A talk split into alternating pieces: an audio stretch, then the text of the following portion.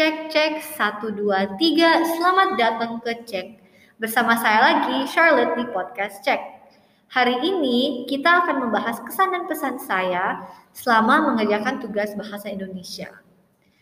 Yang pertama, kita akan mulai dengan tugas ceramah. Nah, kesan saya pas aku kerjain tugas ceramah, itu tugasnya cukup berkesan karena saya membawa topik yaitu how to be an active true crime watcher yang cukup aku suka dan pas aku meneliti itu seru banget.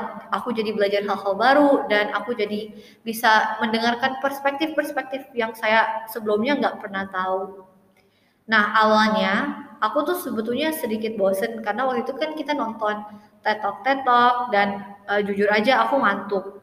Tapi pas kerjain sendiri itu sangat seru Nah, pesan saya dari tugas ceramah ini adalah kita harus mau meningkatkan diri. Lanjut ke tugas berikutnya, kita ada karya ilmiah. Nah, kesan saya adalah waktu itu aku cukup stres karena ada satu timit yang gak kerja. Jadi waktu itu ceritanya aku timnya bertiga dan satu temen aku gak kerja. Jadi itu bener-bener yang kerjain tugas cuma aku sama satu temen aku.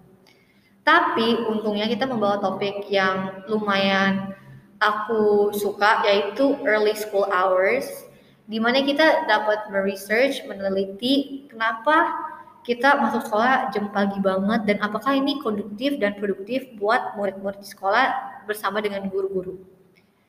Pesan saya buat tugas ini adalah kita harus ada jiwa meneliti karena kan zaman sekarang itu ada banyak hoax, ada banyak fake news, dan kalau kita ada jiwa meneliti itu sangat bagus supaya kita tahu apa itu fakta dan apa itu opini, apa itu bohongan.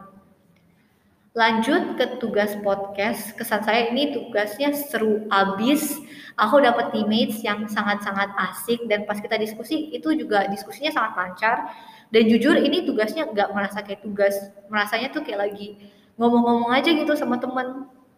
Nah pesan saya dari tugas ini adalah kita harus mencoba hal baru dan kita harus menemukan teman-teman yang bisa membantu kita jadi produktif. Karena tanpa tim saya, mungkin saya tidak seproduktif waktu itu. Oke, lanjut ke tugas terakhir yaitu penulisan monolog. Nah, kesannya ini juga mirip dengan karya ilmiah yaitu stres. Waktu itu saya cukup bingung cari topik, bingung cara bikin skrip, pokoknya ini tuh kayak uh, challenges yang baru buat aku karena aku belum pernah sebelumnya bikin monolog. Tapi saat aku udah ketemukan topik yang aku udah connect dan udah bisa, bikin monolognya cukup lancar. Nah, pesan saya dari tugas ini adalah kita harus mau memperbaiki diri, kita harus mau mencoba hal baru seperti yang di podcast, karena kita siapa tahu menemukan hal yang kita suka.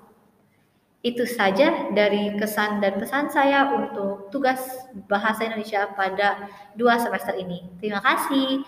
Bye.